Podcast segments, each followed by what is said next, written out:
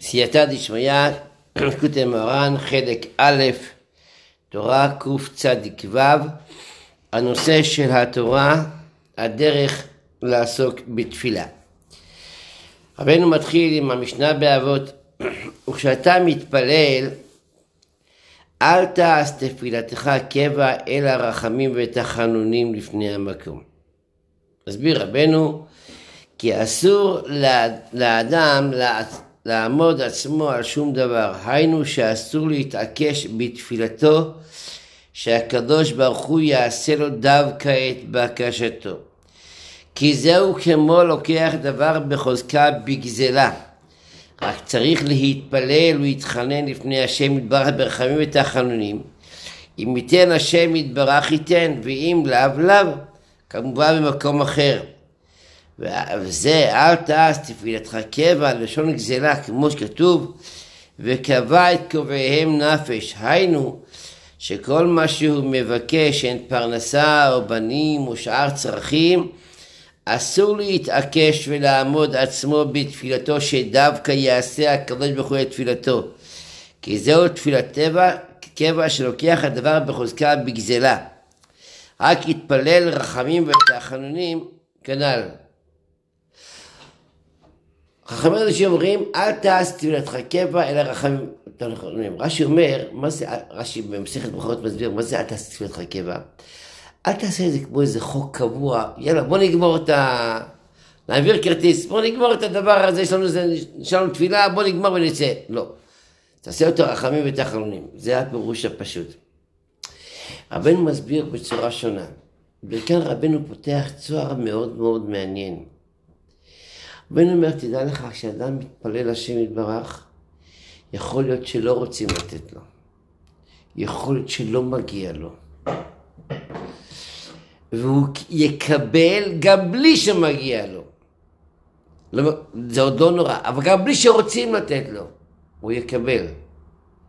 אבל זה יהיה בעיה, זה גניבה. כמו שקורא לזה גזלה. כן. זאת אומרת, ישנה מתכונת, אז אל תיתן לו. אל תיתן לו.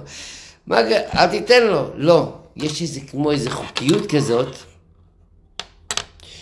שיש רמה מסוימת שמנדנדים בשמיים, אז בכדי שלא ינדנד הבן אדם, נותנים לו, אבל זה לא עם פנים טובות. למשל, למה הדבר דומה? נניח שילד רוצה, אבא שלו רוצה אוטו. אבא יודע שהאוטו הזה לא בסדר בשבילו. אתה יודע, בסדר, לא הגיע הזמן, זה לא הגיל, זה לא המצב. אבל הוא מנדנד, מנדנד, מנדנד. אז אבא אומר, תיקח. אבל זה דע שפה אתה עושה לך את הבחירה הרעה שלך. וזה נבין דבר מאוד נפלא. כתוב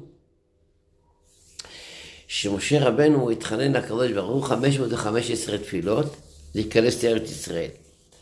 עד שהשם אמר לו, רב לך, אל תוסף דבר אליי עוד בדבר הזה. אל תבקש עוד פעם.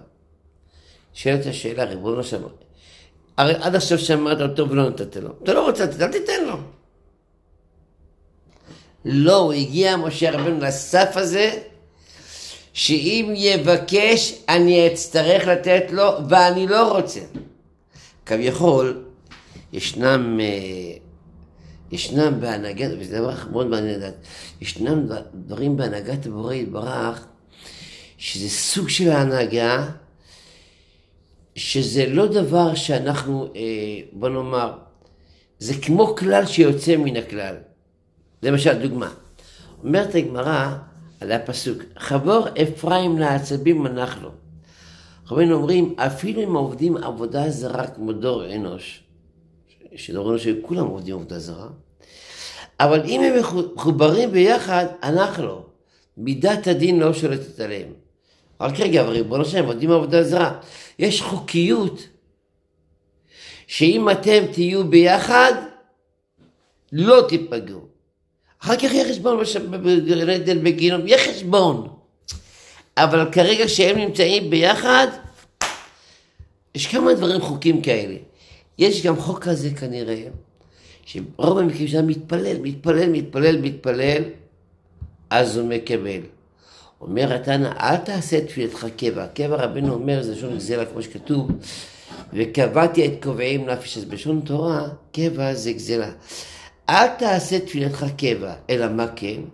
רחמים ותחלונים. תתפלל, ירצו לתת, ייתנו, לא ירצו לתת, לא ייתנו. אבל השאלה שאלה, הנושא הזה הוא דבר מאוד קשה. כי הרי אדם צריך לבקש כל יום בחייו. חכמינו אומרים, למה היו אמהות עקרות?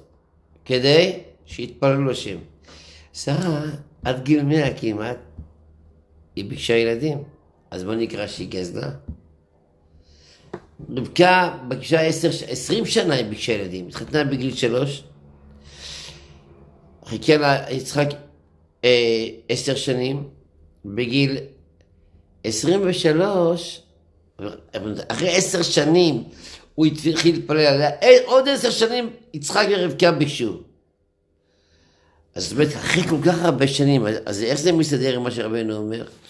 הכוונה שרבנו אומר, שכשאדם אומר, אני מבקש ממך ריבונו שלום, אבל לא למה אתה לא נותן לי? איך אתה לא נותן לי? פה זה מתחילה להיות בעיה. כשאדם יש לו תלונה, אז פה יכולה להיות בעיה.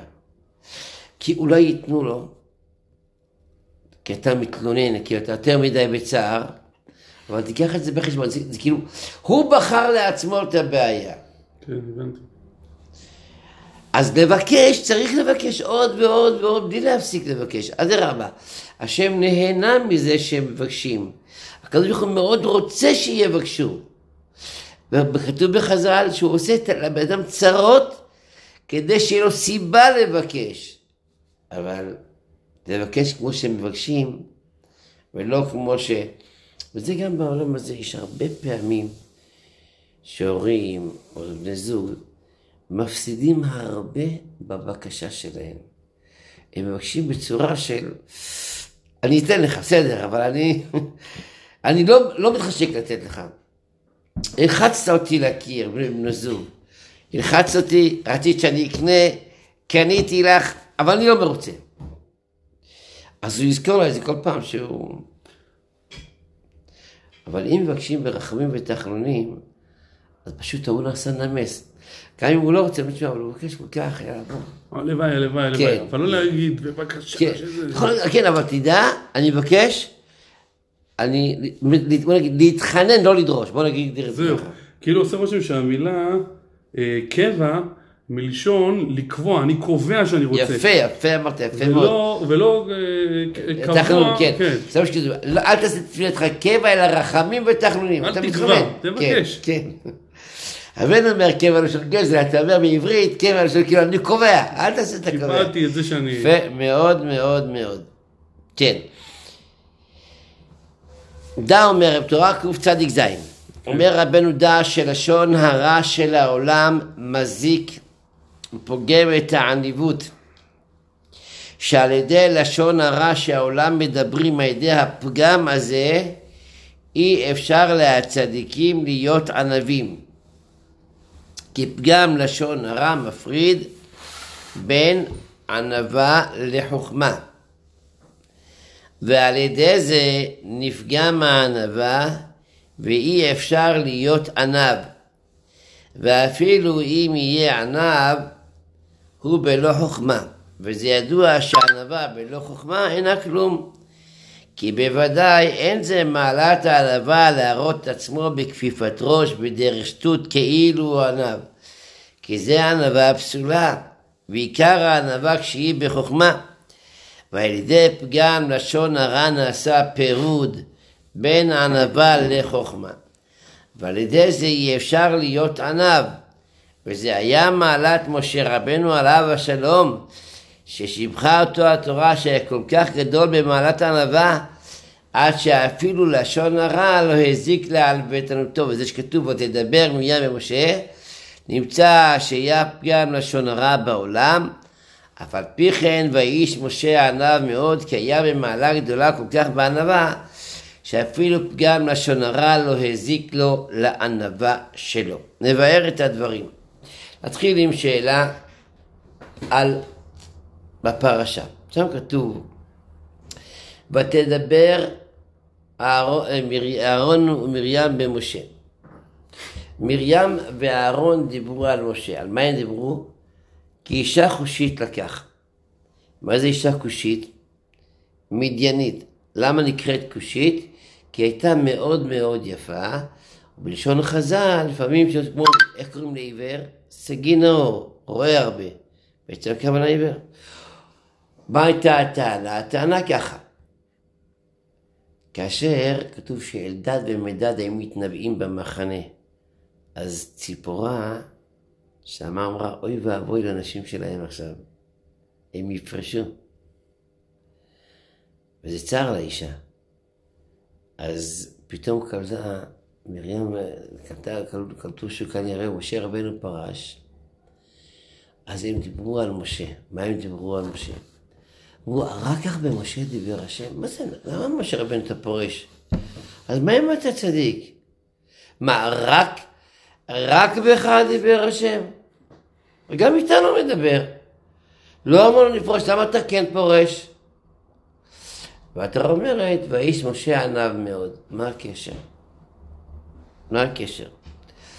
החפץ חיים אומר ככה, שבאה התורה ללמד אותנו שבאמת משה רבנו לא נפגע מזה. שאומרים לו, מה, מה, מה פתאום אתה פורש וחימדת יותר? הוא לא נפגע מזה. שהרי התורה מעידה עליו, ויש משה עניו מאוד, בגלל שהוא עניו אז לא נפגע. אז מה אתה רוצה ממרים ואהרון שדיברו? אומר, אל תדבר לשון גם אם הוא לא נפגע. אתה תשמע, לא, הוא לא נפגע. לא תדבר לשון הרע. ככה מדביר חפץ חיים. ושלום קל וחומר, ומה משה רבנו שהיה עניו מאוד, ולא נפגע. והתורה הקפידה על מרים, שדיברה קל וחומר. רבנו אומר מהלך אחר מאוד מאוד מעניין. כדי להבין את המהלך הזה, זה אומנם פרשה ארוכה, אבל ניגע בה בקצרה. יש בספר אורחות צדיקים, יש, תוס, יש לו דבר, בהקדמה הוא כותב יסוד מאוד גדול. אנחנו רואים במציאות, מצד אחד יש בחירה לאדם לכעוס, לא לכעוס, תתקלצן, נדיב, חרוץ, עצלן. כאילו זה בבחירה של אדם. אבל זה בטבע. אנחנו רואים שזה בטבע, יש אחד של טבע כזה, ויש אחד של טבע כזה, ויש אחד טבע כזה. אז לכאורה זה הטבע, זה לא הבחירה. דבר נוסף. עכשיו בצד ההפוך. נגיד אם נניח שאני הטבע שלי שאני עצלן, אני אחר כך מתאמן להיות חרוץ, ועכשיו מה? אני נהיה חרוץ. מה עם הטבע שלי להיות עצלן? הרי זה בגנים שלי, בגנטיקה שלי, מה קרה? מה השתנה? אז הוא אומר שיש לכל אדם לוח עם נורות של כל המידות. קמצנו, כל אחד יש לו את הכל, כל אחד יש לו את הכל. רק יש נורות שעובדות חזק יותר, ויש נורות שעובדות פחות חזק. אם ישתמש אדם בנורה התואמת, מה שתואם לנורה, יחזק אותה. אם לא ישתמש, או קל וחומר משתמש באופן השלילי, הוא יחליש אותה. למשל, אדם שיש לו מידת הנדיבות, בטבע. נו, אין לו שום בעיה, נדיב. אם ישתמש בה, היא תתפתח ותשמר ותגדל. אם הוא ישתמש להפך, הוא יתעלם. גם בחומר אם הוא יתנהג להפך, ברבות הזמן הנורה הזאת תכבה ותדעך. היא נשארת באיזשהו מקום, הוא צריך הרבה הרבה לעשות פעולות להפעיל אותה מחדש. אותו דבר נניח בכעס. יש אדם שלא כעסן מטבעו. הנורה שמה היא נורה דקה, לא. אבל אם הוא יעשה כל מיני פעולות שגורמות כעס, או לפעמים הוא יעשה כאילו הוא כועס, אבל זה בסוף יכול לגרום לו להיות בתוך זה, בתוך הנקודה הזאת, והוא יכול לשאוב כוחות, כי יש לו את זה, יכול לשאוב כוחות כאלה, שפתאום הוא יהפוך לאותה נקודה שלא הייתה פעילה אצלו. כי הפעול, הנקודה הייתה קיימת אצלו, אבל היא לא הייתה פעולה. אז כמו שיש לי שריר חלש, אם אני אשתמש בו הרבה, בסוף יהיה חזק, אותו שריר גם כן.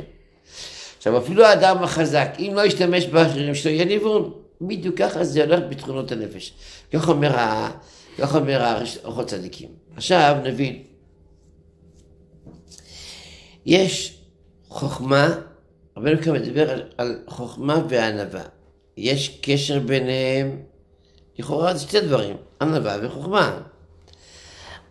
אז נקדים, כתוב בגמרא, ראשית חוכמה יראת השם. התחלה של החוכמה, הראשית, הטוב של החוכמה זה יראת השם.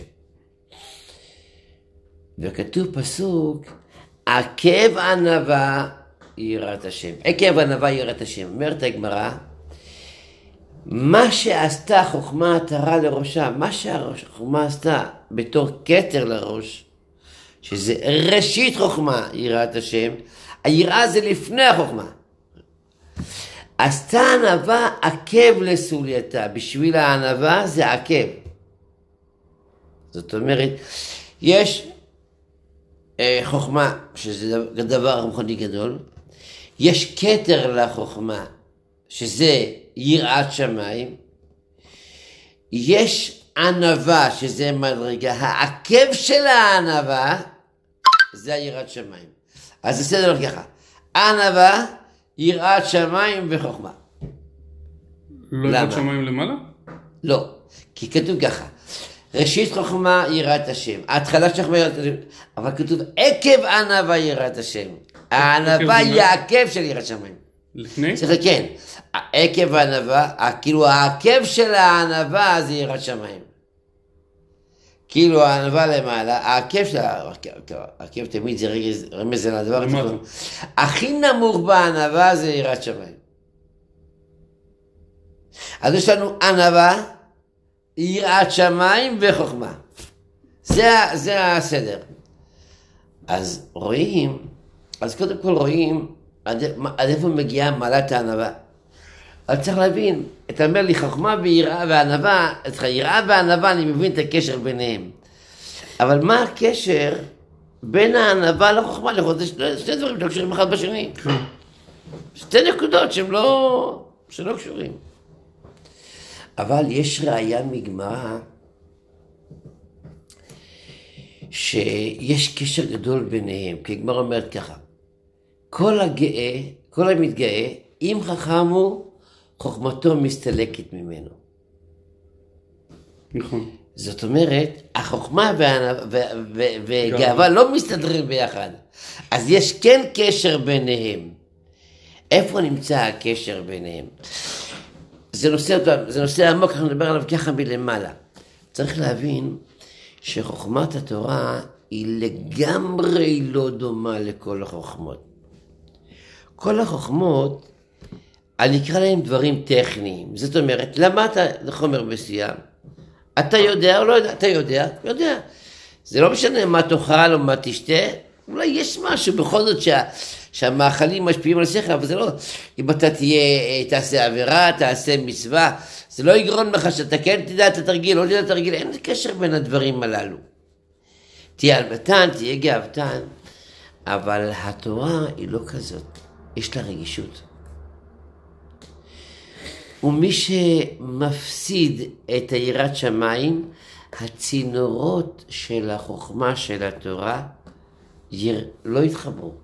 עכשיו, יכול להיות שעדיין יהיה לו ידע כללי, אבל לא יהיה מחובר, זה לא יקרין אליו. מי שנכנס בעבודת השם, הוא רואה את זה. שבמצב של התעלות הוא רואה שהמוחים שלו פתוחים. הקליטה הרוחנית שלו, אפילו בעבודת המשכן, פתוח. שחס ושלום בירידה, לא מדבר אליו, לא, לא, רואים את זה בחוש. רואים מכאן, זה לבד רואים שהתורה זה אלוקות וזה לא שכל טבעי. עכשיו, יותר מזה, ככל שאדם לומד תורה ברמה יותר גבוהה, אז רמת הרגישות של התורה שלו תהיה יותר גבוהה. נניח איש פשוט, אם מתגאה, עוד יישאר לו משהו למד. אבל איש צדיק אם מתגאה, הוא יפסיד. משה רבנו פעם אחת, כעס פעם אחת. כשהם באו ממדיין, אז uh, הוא כעס עליהם, שאמר להם, אחייתם כל נקבה, הם צריכים להרוג את כולם, והשאירו את הבנות. כתוב כעס עליהם, ויקצוף משה על פקודי החיל, אומרת הגמרא, מיד שכח הלכה של טבילת כלים. שאלו אותו מה עם הכלים? הוא לא יודע, שכחתי. מה קרה? כעסת. אוי ואבוי אם היה קורא לנו כמה לא כועסים, לא זוכרים בכלל. אבל תורה כמו של משה רבנו, נקייה כמו של משה רבנו, היא לא יכול, היא לא יכולה לסבול. הרי אם אתה רוצה למשל לשבור טרקטור, אתה צריך לקחת... אבל אם אתה רוצה לשבור איזה מכשיר חשמלי, מספיק משהו קטן. כשהתורה היא ברמה מאוד מאוד גבוהה, זה מאוד מאוד משפיע. עכשיו, החוכמה והענווה הם הולכים ביחד. כי גם הענב, תכף נבין עכשיו, רבינו אומר, גם הענב הוא צריך להיות חכם גדול מאוד. מה? אסור לו שנייה אחת לחשוב שהוא לא שווה. ואסור לו להרגיש רגע אחד שהוא בעל ערך. לא לפה ולא לשם. זה, זה פרדוקס לכאורה. כן. זאת אומרת, אם אני חושב שאני לא שווה, אז זה מצב מאוד גרוע. ואם אני חושב שאני בעל ערך, זה גם גרוע. אז מה באמת? אני בעל ערך, אבל לא בעל ערך אישי. אני... מחזיק לעצמי. כן, זאת אומרת, זה כמו, זה כמו נגיד שזה שאני מסתובב עם טאג שאני מש... עובד בארמון, זה לא עושה... אני עובד בארמון וקיבלתי טאג. אני עושה כל מה שצריך בשבילו. עכשיו, יש דבר, עכשיו לכן, הענווה האמיתית, אומר רבנו, לא שאדם יראה את עצמו ענב, אלא יבין בשכל, יבין בשכל שלא מגיע לו כלום. וזה דבר מאוד קשה. הרי אתה יודע שאתה יודע, ואתה יודע שעבדת על זה כדי לדעת, התייגעת. ואני כלום?